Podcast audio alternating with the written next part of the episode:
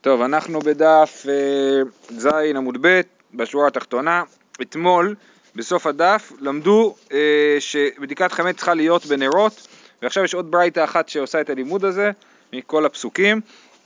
תנו רבנן, אין בודקין, לא לאור החמה ולא לאור הלבנה ולא לאור האבוקה, אלא לאור הנר. מפני שאור הנר יפה לבדיקה, כן? אז לא לאור החמה, לא לאור הלבנה ולא לאור האבוקה. אבוקה זה נר שמורכב משתי פתילות לפחות, זאת אבוקה. מפני שאור הנר יפה לבדיקה. ואף על פי שאין ראייה לדבר, זכר לדבר, כן? זה לא דבר שהוא ברור מהתורה, אבל יש לדבר זכר, שנאמר, שבעת ימים שאור לא יימצא בבתיכם, ואומר, ויחפש בגדול החל ובקטון קילה וימצא, זה הסוף של הפסוק, המילה ימצא. כן? אז אנחנו לומדים שצריך, בשביל למצוא צריך לחפש, ואומר ויחפש בגדול החל ובקטון קילה, ואומר בית יחפש את ירושלים בנרות, סימן שמחפשים עם נרות, ואומר נר השם נשמת אדם, חופש כל חדר בטן, ומכאן אנחנו לומדים שנר אה, אה, מחפש טוב, כן? מהפסוק הקודם, החפש את ירושלים בנרות, היה אפשר לחשוב שנר לא מחפש טוב, אלא להפך, החיפוש הוא חיפוש אה, שבכוונה הוא חיפוש זרקני, חפיפניקי, אבל מהפסוק נר השם נשמת אדם לומדים חופש כל כבד דיר בטן, לומדים שהחיפוש הוא חיפוש טוב. אמ, אוקיי, אז זה הפסוקים. אי אור החמה, איך ידע? ממה שכתוב שלא בודקים לאור החמה, מה הכוונה? איך זה, באיזה מציאות? הנה, אם בחצר, מה נגיד? שצריך לבדוק חמץ בחצר, ואי אפשר לבדוק לאור החמה. אמר רב החצר אינה צריכה בדיקה מפני שהעורבים מצויים שם. בכלל לא צריך לבדוק חמץ ב, ב, בחצר בגלל שיש שם עורבים שאוכלים את כל החמץ ולכן לא צריך לעשות בדיקת חמץ בחצר. אלא באכסדרה, באכסדרה אמרנו זה כמו הפטיו שלך או משהו כזה, שם אולי העורבים לא מצויים ושם כן צריך לעשות בדיקת חמץ. האמר רבא אכסדרה לאורה נבדקת אכסדרה כן אפשר לבדוק אותה עם האור של השמש, כן, שכתוב אכסדרה לאורה נבדקת, עם האור שלה היא נבדקת. אז על מה מדובר שכתוב שאין בודקים לאור החמה? אומרת הגמרא, לא צריכה לערובה שבחדר, כן? יש חדר, יש לו ערובה, איזשהו פתח, והפתח הזה מכניס שמש לתוך החדר, אז את זה אה, אי אפשר לבדוק, את החדר הזה אי אפשר לבדוק לאור החמה. אומרת הגמרא, הוא דהיכא, אילה בהדי ערובה, היינו אכסדר, האם זה, אם ממש איפה שהשמש נופלת דרך הערובה, זה ממש אכסדר, זה אותו דבר, השמש נופלת באופן ישיר, ואפשר לבדוק לאור השמש הזאת. אלא על הצדדים, כן? איפה שהשמש לא נופלת באופן ישיר ורק מאירה באופן לא ישיר, שם אי אפשר לבדוק לאור החמה וצריך לבדוק לאור הנר. אומרת הגמרא ואבוקה לא, מה רע באבוקה? למה אי אפשר לעשות בדיקת חמץ באבוקה? ואמר רבא, מהי דכתיב ונוגה כאור תהיה, קרניים מידו לא ושם חביון הוא זו, למה, למה, למה צדיקים דומים בפני השכינה? כנר בפני האבוקה. כן, כתוב קרניים מידו לא, זאת אומרת לצדיק מגיעים קרניים מידו, מהקדוש ברוך הוא, ושם חביון הוא זו, ולמרות שהוא אה, אה, מקבל אור מהקדוש ברוך הוא, עדיין האור של הקדוש ברוך הוא יותר, הוא יותר חזק, ושם חביון הוא זו, באור של הקדוש ברוך הוא ולא באור של הצדיק, כן?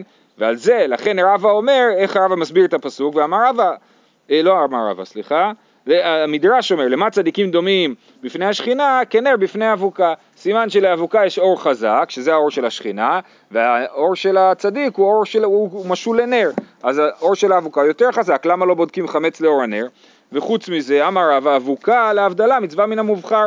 כן, רבא אומר שכדאי להשתמש באבוקה להבדלה. סימן שזה אור, אור, אור שהוא טוב, אור שהוא מצוין. למה לא משתמשים בו בדיקת חמץ? יש פה כמה תירוצים. אמר רב נחמן בר יצחק זה יכול להכניסו לחורין ולסדקין וזה אינו יכול להכניסו לחורין ולסדקין, כן? אבוקה האש שלה גדולה מדי ואם אני אותה לחורין ולסדקין זה לא יכול להיכנס, הנר, האבוקה עם, הנר שלה, עם הלהבה שלה לא יכולים להיכנס לחורים ולסדקים. רב זביד אמר, זה אורו לפניו וזה אורו לאחוריו, אני לא מבין מה, מה, למה הם מתכוונים, זאת אומרת, מתכוונים למשהו, מתכוונים, אומרים שהאור של האבוקה האור של הנר מאיר קדימה והאור של האבוקה מאירה אחורה. מה זה אומר, למה הכוונה, לא, לא ברור לי.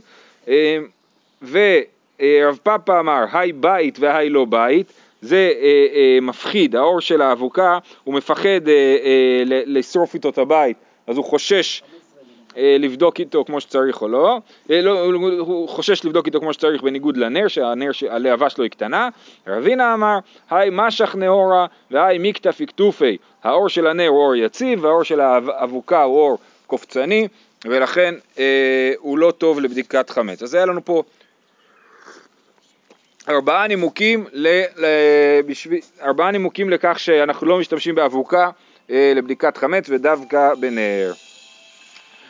כל מקום שאין מכניסים חמץ, אומרת המשנה, המשנה בדף ב', אנחנו עדיין במשנה הראשונה, היום אנחנו מסיימים אותה, כל מקום שמכניסים בו, אין מכניסים בו חמץ, אין צריך בדיקה, אה, אומרת הגמרא, כל מקום לטויי מים, מה זה בא לרבות? הכל מקום הזה. תשובה, להטויי יד איתנו רבנן, זה בא לרבות את מה שכתוב בברייתא, חורי בית העליונים והתחתונים, כן, היה להם, אה, איך הם היו עושים מדפים? היו עושים חורים בקיר, כן, חורי בית העליונים והתחתונים, אה, וגג היציע, וגג המגדל, ורפת בקר, ולולין, ומטבן, ואוצרות יין, ואוצרות שמן, אין צריכים בדיקה. מה זה כל המקומות האלה? חורי בית אמרנו עליונים ותחתונים שהם גבוהים ונמוכים שהם לא נוחים לשימוש, גג היציע וגג המגדל, כן, אז זה, אה, המגדל אמרנו שזה ארון, על הגג של הארון גם הם לא היו מניחים את החמץ או את האוכל, בכלל גג היציע זה גג משופע ולכן אי אפשר לשים עליו דברים וממילא אין לחשוש שיש עליו חמץ.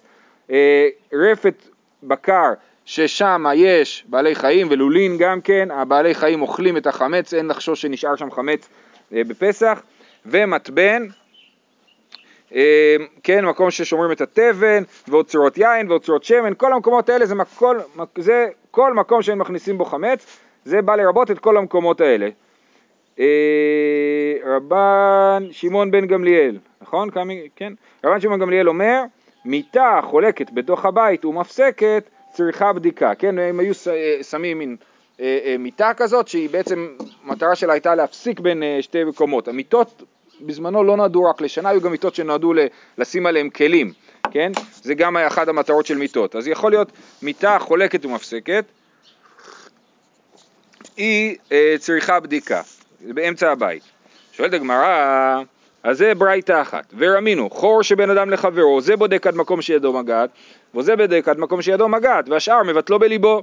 אז בברייתא הראשונה היה כתוב שלא צריך לבדוק את החורים, ובברייתא פה כתוב שכן צריך לבדוק, זה בודק כל אחד מהצדדים, יש לנו קיר משותף, יש לנו דו משפחתי, קיר משותף, כל אחד בודק, מכניס את היד כמה שהוא יכול עמוק, ומספיק, לא צריך יותר מזה, אה, אבל כן צריך לבדוק את החורים. רבי שמעון גמליאל אומר, אה, מיטה חולקת בתוך הבית ועצים ואבנים סדורים תחתיה ומפסקת אינה צריכה בדיקה. אז יש לנו פה שתי סתירות. סתירה אחת זה לגבי החורים, שבברית הראשונה היה כתוב שחורי בית עליונים ותחתונים אה, לא צריכים בדיקה, וכאן כתוב שחור שבין אדם לחברו צריך בדיקה, וסתירה שנייה זה ביחד ביחס למיטה, שבברית הראשונה רשב"ג אומר מיטה חולקת בתוך הבית ומפסקת צריכה בדיקה, בברית השנייה רשב"ג אומר מיטה חולקת בתוך הבית וכולי אינה צריכה בדיקה. קשי המיטה, המיטה קשי החורין החורין. תשובה, חורין החורין לא קשי, הא בעילי ובתתי, הא במצי. זאת אומרת, יש חורים עליונים ותחתונים, שהגישה אליהם לא נוחה, ממילא לא משתמשים בהם באופן יומיומי, מקסימום שמים, שמים שם איזה משהו שלא צריכים להגיע אליו, את הכלים של פסח שמים שם, כן? אין מה לחשוש שם לחמץ. וכן, ובחורים שבאמצע זה מקום שאנשים אה, שמים דברים, ככה זה, תמיד שיש בבית אה, מקום ריק, נכון, הוא נהיה בלאגן, כי תמיד שמים שם כל מה, ש, מה שיש ביד. אה, מיטה, מיטה לא קשיא, הדמידליה, הדמיתתאי, כן, זה תלוי אם המיטה גבוהה או נמוכה, אם היא נמוך, גבוהה, יש מקום לשים מתחת דברים, ואז כן צריך לבדוק שם לחמץ, אבל אם היא נמוכה, וגם בברייתא השנייה שהיה כתוב שלא צריך לבדוק, היה כתוב עצים ואבנים סדורים תחתיה, כן, אז כנראה גם שמנו שם איזה ערימה של עצים, אז בכלל זה לא נוח לשימוש ואין שם מקום להכניס דברים, ולכן לא צריך לבדוק.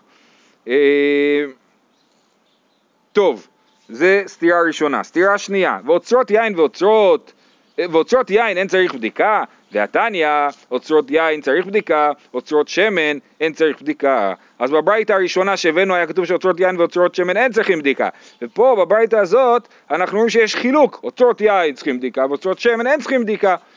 אז, אז מה זה הסתירה הזאת? אומרת הגמרא, רחב מעסקינן במסתפק. יש לך שתי סוגים של אוצרות, יש לך סוג, סוג של אוצר שאתה מסתפק ממנו וסוג של אוצר שאתה לא מסתפק ממנו. זאת אומרת, יש את האוצר, את המחסן שאתה מוציא משם את החבית פעם בשנה, פעם ב... לא יודע מה, בחודש מוציא חבית חדשה, כן? ויש את המקום שבו אתה, כל פעם שנגמר אתה בא וממלא, כן? המשנה ש... נכון, גם המשנה שלנו מדברת על יין וברור שצריך אה, אה, לבדוק ביין, אתה צודק, שאלה טובה. מה זה? אוקיי, תכף הגמרא תסביר. אה, בכל אופן, אז אומרים ככה, אם הוא לא מסתפק, זה מה שכתוב בברייתא הראשונה, שלא צריך לבדוק, נכון? ואם הוא מסתפק, יש חילוק בין יין לשמן, שתכף נסביר. אה, אחא מעסקיננו נסתפק. וזה השאלה, איתן, יפה, כיוונת לשאלת הגמרא, יחי שמן נמי, אם הוא מסתפק, אז גם שמן יכול להיות שהוא יביא באמצע הארוחה שמן, תשובה, שמן יש קבע לאכילה, יין אין קבע לשתייה. זאת אומרת, שמן, אתה מראש יודע כמה שמן תצטרך בארוחה, ואין חשש שבאמצע הארוחה תשלח את, ה, את השמש להביא עוד שמן. כן? לפני הארוחה אתה כבר הולך ומביא את כל השמן שצריך, ויין, יכול להיות שיגמר באמצע הארוחה היין ותשלח אותו להביא יין, ואז הוא ילך עם, ה, עם הלחם ביד ו... כן. אה, אה, כן, אתה לא יודע אם ילך טוב או לא ילך טוב, יכול להיות שפתאום אה, יצטרכו יין, כן? ואז השמש ילך עם, הלחם וישאיר את הלחם שם במרתף לכן אנחנו חוששים באוצרות יין ובאוצרות שם שמסתפקים מהם, ובאוצרות שמן אפילו שמסתפקים מהם, אין חוששים אה, שיש שם חמץ. אומרת הגמרא, תניא רבי חייא עשו אוצרות שיכר בבבל כאוצרות יין בארץ ישראל. כן, אוצרות שיכר, בבבל היו שותים פחות יין, זה היה פחות, אה, היה להם בכלל נראה לי פחות גפנים, היו שותים יותר שיכר, כשמדברים פה על שיכר כנראה שבבבל שתו בעיקר שיכר מתמרים, לא, לא, לא מסורים כמו אצלנו.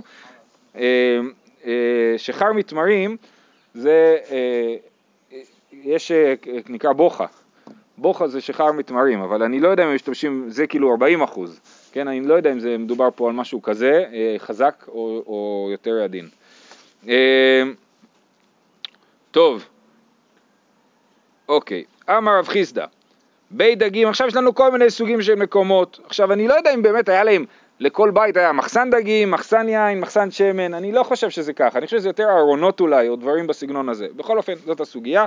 אמר רב חיסדא בי דגים, אין צריך בדיקה, והתניא, צריכים בדיקה, לא קשיא, רב רבי אבא זוטרי, כן, יש לך מחסן או ארון של דגים גדולים, משומרים, כן, אז שם אתה מביא דג אחד לארוחה, אז אתה לא כל, ארוח, כל הארוחה פותח וסוגר את הדלת, אבל בזוטרי, בדגים קטנים, אז מביאים עוד, נגמר ההרינג, מביאים עוד הרינג, כן? אה, אמר רבא, הנה הוכחה שאכלו הרינג גם בבבל. אמר רבא בר אה, רבונה, בי מילכי ובי קירי צריך בדיקה, כן? המקום שבו שומרים את המלח והמקום שבו שומרים את השעווה, את הנרות של השעווה, צריך בדיקה, גם כן מחשש, הלכו באמצע הארוחה והביאו עוד והשאירו שם חמץ.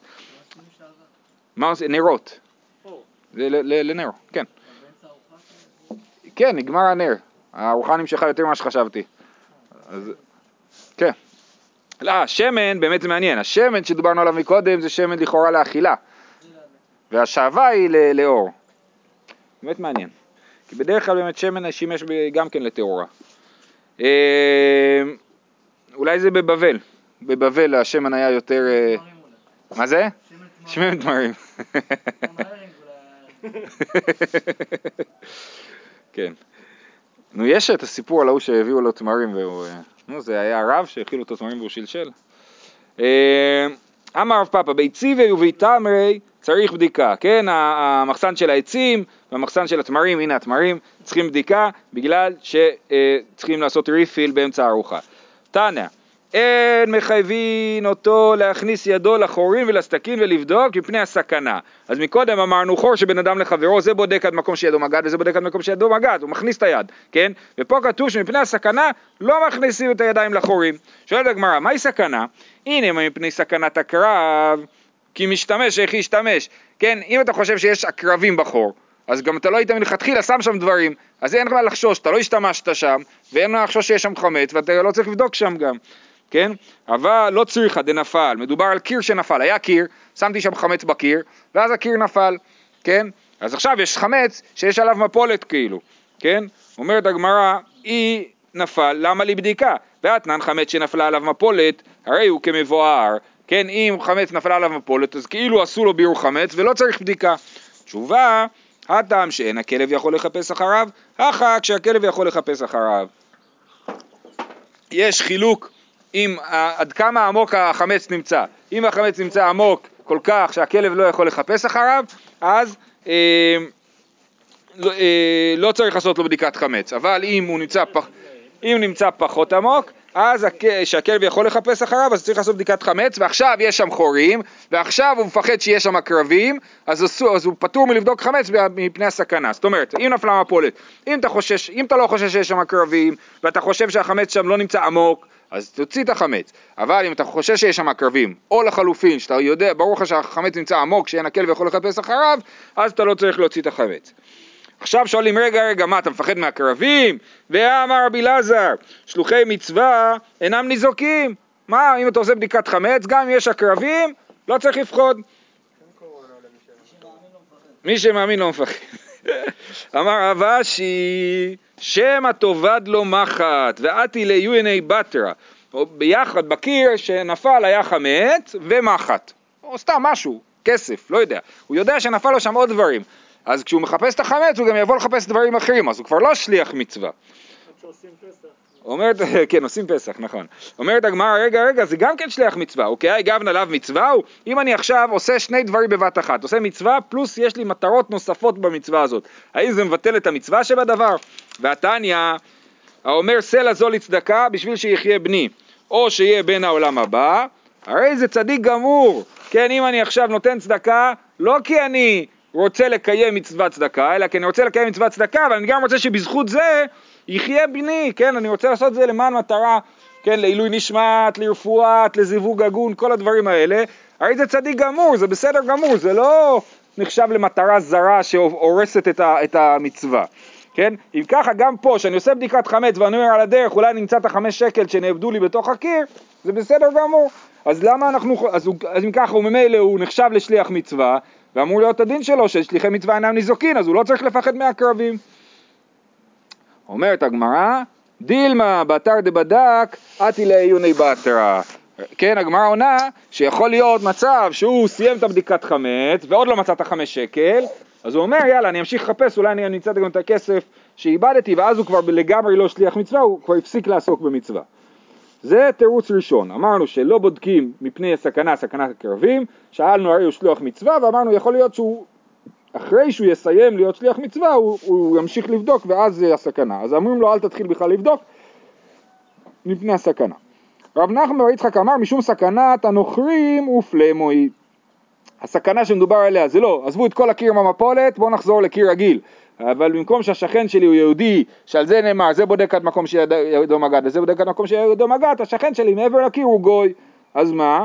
ופלמוי, דתניא, חור שבין יהודי לארמאי, בודק עד מקום שידו מגעת, והשאר מבטלו בליבו. זאת שיטת תנא קמא. שיטת פלמו, פלמו זה שם של תנא, ופלמו אמר, כל עצמו אינו בודק מפני הסכנה. לא, בכלל לא בודקים חור. אם יש לך חור בינך לבין גוי, אל תבדוק את, ה, את החור הזה. מהי סכנה? הנה עם הסכנת כשפים, כי ישתמש איך ישתמש.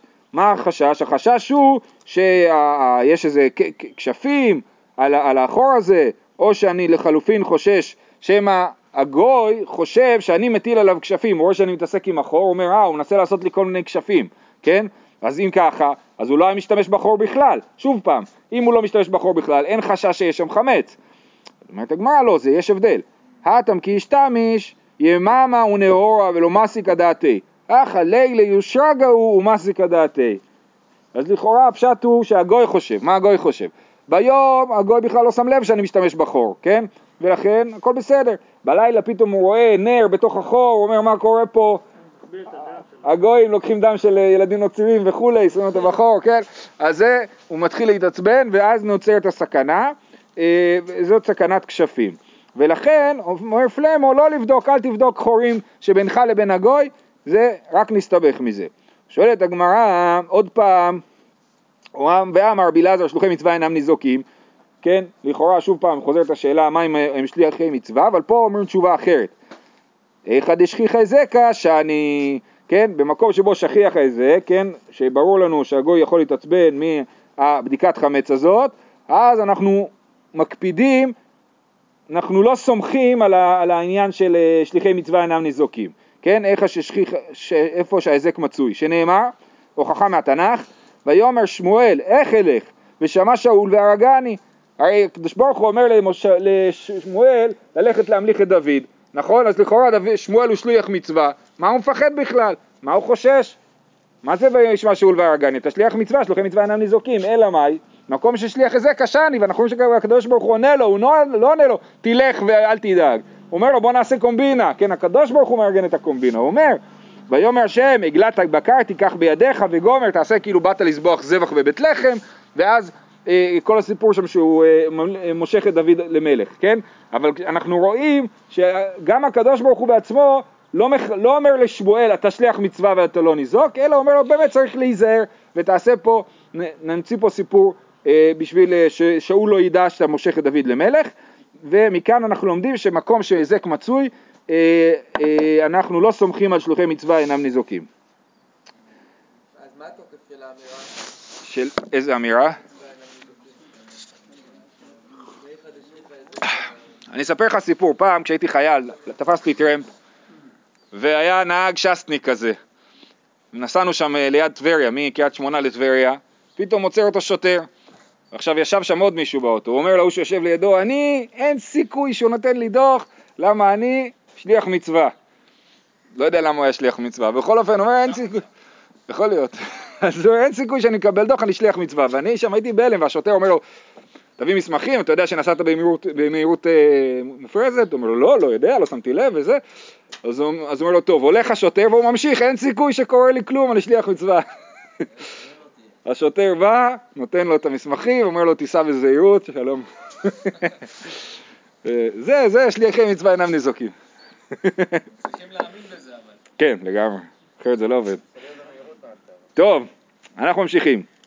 באו מיני מירב, הני בני בירב דדיירי בבאגה, כן, גרים בני ערב בבקעה, בני בית המדרש, הם גרים בבקעה, והם רוצים ללכת בלילה בחושך, רוצים ללכת ללמוד. הם רוצים גם לצאת מוקדם מהבית, לפני עלות השחר בחושך, וגם לחזור בלילה הביתה. ובחושך זה מסוכן כידוע, יש שדים, מזיקים, עניינים שודדים, אז האם הם יכולים ללכת או לא יכולים ללכת בחושך? אמר להוא נייטו עליי ועל צווארי, שיבואו שיבואו ללמוד מוקדם, עליי ועל צווארי, אני אחראי לזה שלא יקרה להם כלום. ני זילמי, נו, האם הם יכולים גם לצאת מאוחר בלילה חזרה הביתה? אז הם כבר לא שלוחי מצווה, אז הם חוזרים הביתה, נכון? אמר לו, הוא לא ידענה, עד כאן, אני, על זה אני לא לוקח אחריות, אני לא יודע. איתמר, אמר רבי אלעזר, שלוחי מצווה אינם נזוקין לא בהליכתם ולא בחזירתן. רבי אלעזר אה, אה, אמר שבאמת גם בחזור שלוחי מצווה לא ניזוקים, כי הייתנא דתניא, איסי בן יהודה אומר, כלפי שאמר התורה ולא יחמוד איש את ארצך, מלמד שתהא פרתך, מדובר על, על עלייה לרגל, כן? כתוב בפרשת כי תישא שגם כאשר נעלה לרגל ולא יחמוד איש את ארצך, כן? לא נשאיר צבא בגבולות והכל יהיה בסדר. מלמד שתהא פרתך רועה באפר ואין חיה מזיקתה. תרנגולתך מנקרת באשפה ואין חולדה מזיקתה. כן, תחשבו על זה, משאירים את כל הבעלי חיים שם בחוץ והם כולם נשארים בסדר גמור, אף אחד לא עושה להם כלום. אומרת הגמרא, והלא דברים קל וחומר, ומה אלו שדרכן לזעוק אינם ניזוקים בני אדם שאין דרכן לזעוק, על אחת כמה וכמה, כן? זה, זה באמת תמוה להשאיר תרנגולת אה, בחוץ ושלא יהיה מזה נזק, ובכל זאת הקדוש ברוך הוא שומר עליהם, אז בוודאי קל וחומר, לבני אדם שעולים לרגל הקדוש ברוך הוא שומר. אין לי אלא בהליכה, בחזרה מניין, כן, מניין שזה גם בחזור ולא רק בהלוך, תלמוד לומר, ופנית בבוקר והלכת לאוהליך, מלמד שתלך ותמצא אוהליך בשלום, כן, אתה חוזר, אתה מגיע ואתה רואה שהכל נשאר בסדר, מוצא את אוהליך בשלום. אז מכאן שגם בחזור, אומרת רגע, וכי מאחר זה אפילו בחזירה, בהליכה למה לי? אם אפילו בחזור הקדוש ברוך הוא שומר על הכל, אז קל וחומר בהלוך, למה בכלל אני צריך פסוקים שיגידו לי שבהלוך גם כן יש שמירה על כל הנחלה שלי? אז באמת אומרת הגמרא, זה באמת בא ללמד אותי משהו אחר. כן, מאחר אפילו בחזירה בהליכה למה לי? תשובה לחדר רבי עמי. ואמר רבי עמי, כל אדם שיש לו קרקע, עולה לרגל, ושאין לו קרקע, אין עולה לרגל. כן, מה שכתוב ולא יחמוד איש את ארצך, זה אומר שיש לך ארץ. אם אין לך ארץ, אז אתה לא עולה לרגל, וזה אחד התירוצים לשאלה למה רבי יהודה בן בטרה, שראינו בדף ג' שהוא לא עלה לרגל, נכון? הוא שאלה, הגוי עלה לרגל, ורבי יהודה בן ביתר, הוא יושב בנצידיבין ומצדתו פרוסה בירושלים, אה, כי הוא לא עלה לרגל, אז אחד התירוצים זה שלא היה לו קרקע ולכן הוא לא היה מחויב בזה. אה, אמר רבי אבין, בר רב עדה, אמר רבי יצחק, מפני מה אין פירות גינוסר בירושלים? למה את הפירות גינוסר, שזה הפירות הכי טובים, שיש באזור הכנרת, למה אין אותם בירושלים? ירושלים היא הכי קדושה, וראוי שתהיה המקום הכי, הכי מדהים, נכון? אבל היא לא. אז למה זה ככה? כדי שלא יהיו עולי רגלים אומרים, אלמלא לא עלינו אלא לכל פירות גנוסר בירושלים, דיינו. נמצאת עלייה שלא לשמה. הם היו אומרים, היה שווה לעלות לירושלים רק בשביל לאכול את הפירות, אז, ואז העלייה היא לא לשמה. אמר ב... עולם המילה, זה הבעיה. כן, כיוצא בו, לכן ירושלים נשארת ככה בסדר. כיוצא בו אמר בידוסטאי ברבי ינאי, מפני מה אין חמי טבריה בירושלים? כדי שלא יהיו לרגלים אומרים, אלמלא לא עלינו אלא לרחוץ בחמי טבריה דיינו, ונמצאת עלייה שלא לשמה. אז באמת הייחוד שבירושלים זה הקדושה שלה, ולא הדברים האחרים. טוב, חוזרים לענייננו למשנה, ובמה אמרו בית, בית שורות? אומרת הגמרא, המשנה בתחילת המסכת אמרה, אה, כל מקום שאין מכניסים בו חמץ אין צריך בדיקה, ובמה אמרו שתי שורות במרתף, מקום שמכניסים בו חמץ. אז מאיפה פתאום הגיעו למרתף, כן? אומרת הגמרא, מרתף מאן דחר שמי, מי הזכיר בכלל מרתף? אחי כאמר, כל מקום שאין בו חמץ, מכניסים בו חמץ, אין צריך בדיקה, ואוצרות יין ואוצרות שמן נמי, אנחנו ראינו שזה נחשב למקום שאין מכניסים בו חמץ ואין צריך בדיקה. ובמה אמרו שתי שורות במרתף? מקום שמכניסים בו חמץ ובמסתפק. כן, ראינו שבאיזה, מתי יש אה, אה, מקום שצריך אה, בדיקה? במרתף, במרתף שמסתפק ממנו יין, ואז יש חשש שהוא השאיר חמץ ב, ב, אה, במרתף, שם צריך בדיקה. בית שמאי אומרים, עכשיו יש לנו מחלוקת ב, במשנה, כן? בית שמאי אומרים, שתי שורות על פני כל המרתף, בית הלל אומרים שתי השורות החיצונות שהן העליונות, זה המשנה. אומרת הגמרא, מה, מה, מה, מה, מה הכוונה? מה בית שמאי אומרים, מה בית הלל אומרים? אמר רב יהודה, שתי שורות, יש מחלוקת, אמר רב יהודה שתי שורות שאמרו מן הארץ ועד שמי קורה. רב יהודה אומר, מה בית שמאי אומרים? שתי שורות, זאת אומרת שאני נכנס למרתף, אני רואה מולי שורות שורות של חביות עומדות גם לגובה, כן? אז רבי יהודה אומר. רב יהודה אומר שצריך לבדוק את שתי השורות הפנימ... החיצוניות. החיצונית וזאת אחת, ואחת פנימה. זה שתי השורות שצריך לבדוק. ורבי יוחנן אמר, שורה אחת כמין גם. זה שורה אחת כמין גם, גם זה ריש הפוכה. אז אני מסתכל אה, אה, מולי, אני רואה את השורה החיצונה והשורה העליונה, וככה נוצר לי ריש, כן? אז זה שתי השורות שצריך לבדוק, אה, בש- בשני ממדים, ממד אחד זה ממד הגובה וממד שני זה ממד, ממד הרוחב. לא, שתי שורות, לא. לא, לא, לא, לא, לא, שתי שורות הכוונה היא שורה אחת, זה כל החזית וכל הלמעלה, כן.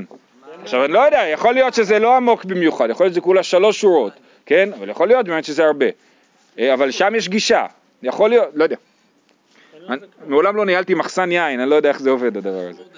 אז נו, לפעמים לוקחים מלמעלה גם. תניא כבתי דרב יהודה, תניא כבתי דרבי יוחנן. תניא כבתי דרב יהודה, בית שמאי אומרים שתי שורות על פני כל המרתף, ושתי שורות שאמרו מן הארץ ועד שמי קורה. אז זה שיטת רב יהודה, שאומר שתי שורות, הכוונה היא השורה החיצונית ועוד שורה אחת בפנים. תניא כבתי דרבי יוחנן, יש לו ברייתא אחרת שמסבירה כמו רבי יוחנן, שתי שורות על פני כל המרתף, חיצונה רואה את הפתח ועליונה רואה את הקורה, שלפנים ממנה ושלמטה ממנה אין צריך בדיקה, רק מה שרואה את האוויר, החיצונה בחזית והעליונה שרואה את התקרה, אלה שתי השורות שצריכות בדיקה, בפנים לא צריך בדיקה. כל זה היה לשיטת בית שמאי. מה בית הלל אומרים? בית הלל אומרים שתי שורות החיצונות שהן העליונות. גם על זה יש מחלוקת מה הכוונה שלהם. אמר רב עליונה ושלמטה ממנה, ושמואל אמר עליונה ושלפנים ממנה. כן, או שצריך לבדוק, נגיד שיש לי מרתף שהוא שלוש על שלוש, כן, מחזיק אה, אה, שלוש שורות שכל שורה יש לה שלוש, אה, אה, שלוש, אה, קומ... שלוש שורות ל- ל- לארוך, לעומק ושלוש שורות לגובה, בסדר? לא יודע, נגיד, לא, לא משנה על כמה, כן? אז יש שלוש על שלוש, אז לפי רב צריך לבדוק את העליונה ושלמטה ממנה. את שתי השורות הראשונות של החביות, אה, אה, ולא את השורה התחתונה, למרות שיש גובה של שלוש שורות, צריך לבדוק רק את השתיים העליונות. ושמואל אמר עליונה ושלפנים ממנה. אז אתם רואים שרב ושמואל מאוד דומים לרב, לרבי יהודה ורבי יוחנן, כן? במידה מסוימת. שמואל חושב כמו רבי יוחנן. שלוקחים מהלמעלה. לא, לא יודע האמת, אני לא בטוח. יכול להיות ש... לא, לא חייבים להגיד את זה. ושמואל אמר עליונה ושלפנים ממנה, כן? אבל שלוקחים מהלמעלה, נכון? שצריכים לבדוק את שתי השורות החיצונות העליונות. אה, מה איתם דרב דייק חיצונות, למה רב אומר דווקא עליונה ושלמטה ממנה? כי הוא אומר כתוב שתי שורות החיצונות, סימן שדווקא השורות החיצונות, אז, אז דווקא החיצונה וזה צריך להיות רק שתי שורות, והעליונות קטני, אבל כתוב שתי שורות החיצונות של העליונות, למיעוטי תתאי דתתאיתא, זאת אומרת, כן, כתוב פה העליונות למיעוטי את השורה התחתונה, זאת אומרת כל אחד לוקח מילה אחת ברצינות ומילה אחת פחות ברצינות. רב אומר חיצונות של עליונות, אז העיקר זה החיצונות, ושמואל אומר אה, חיצונות של עליונות, העיקר זה העליונות. ולכן רב אומר צריך את שתי השורות החיצונות העליונות, העליונות הכוונה היא למיעוטי התחתונה, ושמואל אומר צריך את שתי השורות העליונות, אמרנו שתיים, אחת ועוד אחת פנימה, ומה, ו, ולמה כתוב החיצונות? למיעוטי את השורה העוד יותר פנימית. כן? ושמואל אמר עליונה ש- ולפנים ממנה, מה איתמה? דייק עליונות. והחיצונה קטאי, קטני, למיעוטי גבייתא דגבייתא.